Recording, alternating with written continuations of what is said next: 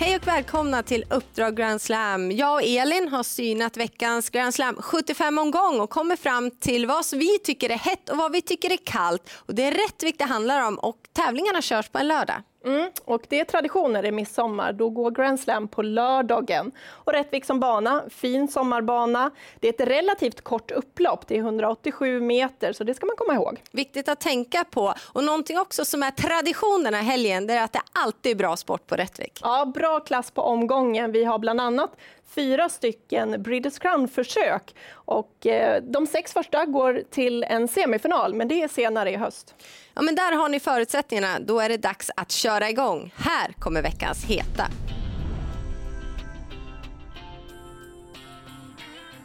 I den första avdelningen där har nummer tre Dassen av Oyster fina förutsättningar. Han har vunnit två lopp av sina fyra starter i karriären. Dessutom kan han öppna väldigt bra. Här vill Claes Sjöström till ledningen och då kan han skapa sig det här försprånget mot favoriten 9 Graham Hill som han var nära att besegra i den näst senaste starten. I den andra avdelningen kommer vi få se ett roligt kallblodslopp. Eh, nummer 12 Lillhans har inte alltid hållit sig i rätt gångart men faktum är att han har aldrig galopperat för Jorma Kontio. Formen är god för han kommer från seger.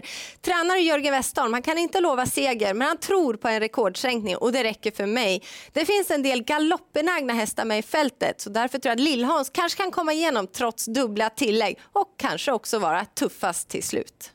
Jennifer, jag tror mycket på Claes Sjöström i den första avdelningen. Du tror mycket på honom i den tredje avdelningen. Jag har verkligen fastnat för nummer 11 Breeze eh, som höll väldigt bra från utvändigt ledaren senast. Och gången innan, ja då svepte hon hela fältet och vann med halva upploppet. Eh, hon har en sylvass speed att tillgå så trots bakspår så tror jag att hon kan hinna fram i tid.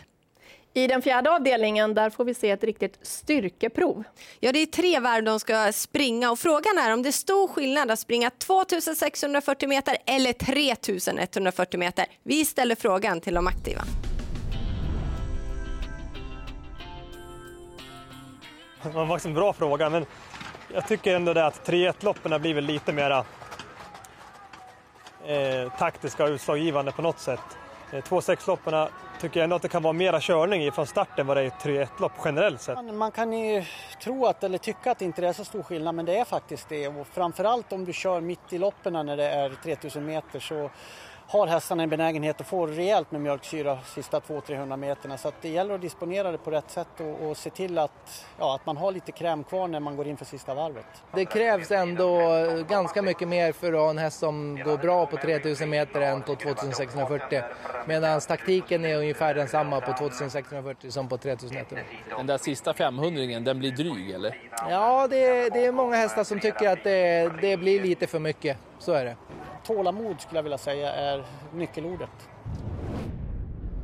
Ja, de var alla överens om att eh, skillnad på distansen, kanske mer än vad man tror. Och Per Lennartsson hade ju lite kloka ord. Det gäller att ha tålamod, men framförallt kanske en stark häst. Mm, och en som älskar den här långa distansen, det är nummer 12, Ivory Di Quattro.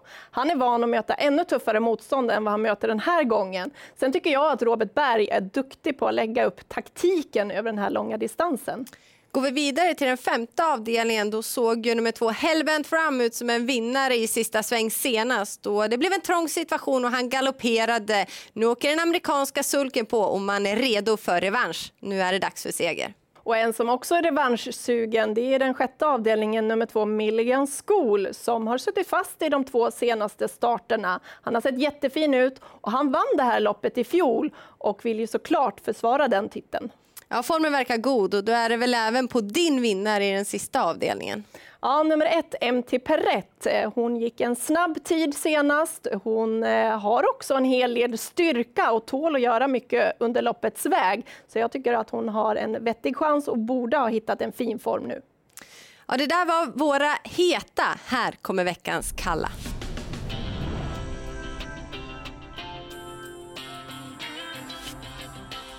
I den tredje avdelningen har nummer 12 Glamorous Rain gjort allting rätt hittills i karriären. Men från det här läget eh, så känns det som att man vill avvakta i kön, köra till slut. Och med tanke på hennes orutin kanske inte speeden räcker till för att hinna fram till seger. Och i den femte avdelningen, Jennifer, där har vi en häst, en fin häst som ska göra comeback. Ja, det är fyra Headrun som är riktigt kapabel. Men som Elin nämnde, det är comeback. Han har inte startat på åtta månader och man kan inte kräva seger. Han borde behöva lopp i kroppen. I den sjätte avdelningen där kommer nummer nio Sorbet ut och han har varit sjuk efter senaste starten. Han eh, har haft 40 graders feber och det kommer behövas ett lopp i kroppen innan den där toppformen sitter där. Dessutom så startar han från ett bakspår. Ja, vi har pratat om flera fina hästar under lördagen, men nu ska vi prata om en. Vem vill du prata om? I den fjärde avdelningen, styrkeprovet, där tror jag att Ivory de Quattro är den starkaste. Du går på styrka, jag går på speed. Jag hoppas att Elva Brys spurtar ner hela fältet i den tredje avdelningen. Vad mer ska man tänka på? Att Grand Slam går en, på en lördag den här veckan. Och då önskar vi er ett stort lycka till på spelet och framförallt en trevlig midsommarhelg.